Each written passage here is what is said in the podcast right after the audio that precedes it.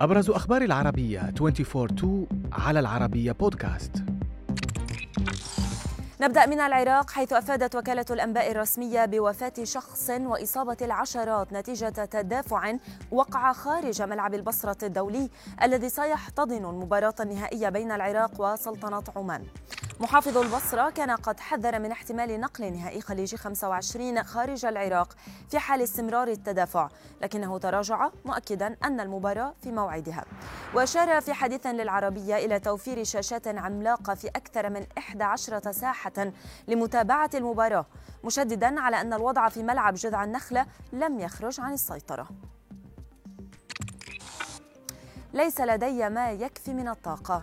بهذه الكلمات أعلنت رئيسة وزراء نيوزيلندا جاسيندا أردرن أنها ستتنحى عن منصبها في موعد أقصاه أوائل فبراير المقبل ولن تسعى لإعادة انتخابها.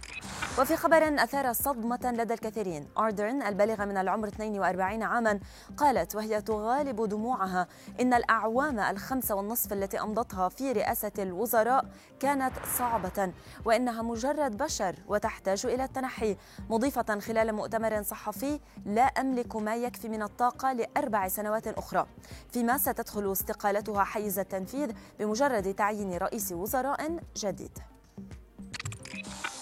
إلى أمريكا هذه المرة حيث قال الرئيس السابق دونالد ترامب إن حملته تسعى لاستعادة حسابه على فيسبوك بينما يستعد لإطلاق حملة ترشحه للانتخابات الرئاسية عام 2024 وفي مقابلة مع قناة فوكس نيوز أوضح ترامب أن فيسبوك يحتاج إلينا أكثر مما نحتاجه على حد تعبيره زاعما أن المنصة خسرت 700 مليار دولار منذ أن تم إلغاء حسابه في يناير 2021 معلنا أنه يعمل على ترتيب اجتماع لمناقشة إعادة تفعيل حسابه مع الرئيس التنفيذي لشركة الشركة المالكة ميتا مارك زوكربيرغ. في حادثة تكو تكاد تكون أشبه بأفلام السينما. نجا رجل تاه في البحر الكاريبي ل 24 يوما بعدما تناول الكاتشب خلال هذه المدة قبل أن يتم إنقاذه.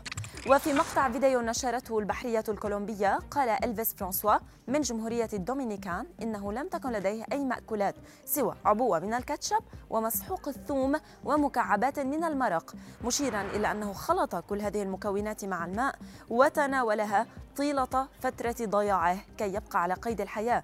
وأضاف أنه بدأ في إرسال إشارات لطائرة رآها في السماء من خلال انعكاس أشعة الشمس على مرآة كانت بحوزته ليتم إنقاذه على الفور.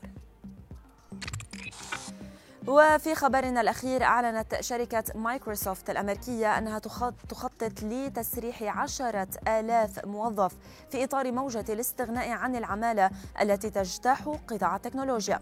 تقارير أوضحت أن هذا القرار سيؤثر, سيؤثر على 5% من القوى العاملة على مستوى العالم مشيرة إلى أنه سيكلف الشركة 1.2 مليار دولار على شكل نفقات بسبب فصل الموظفين وإعادة تنظيم المؤسسة.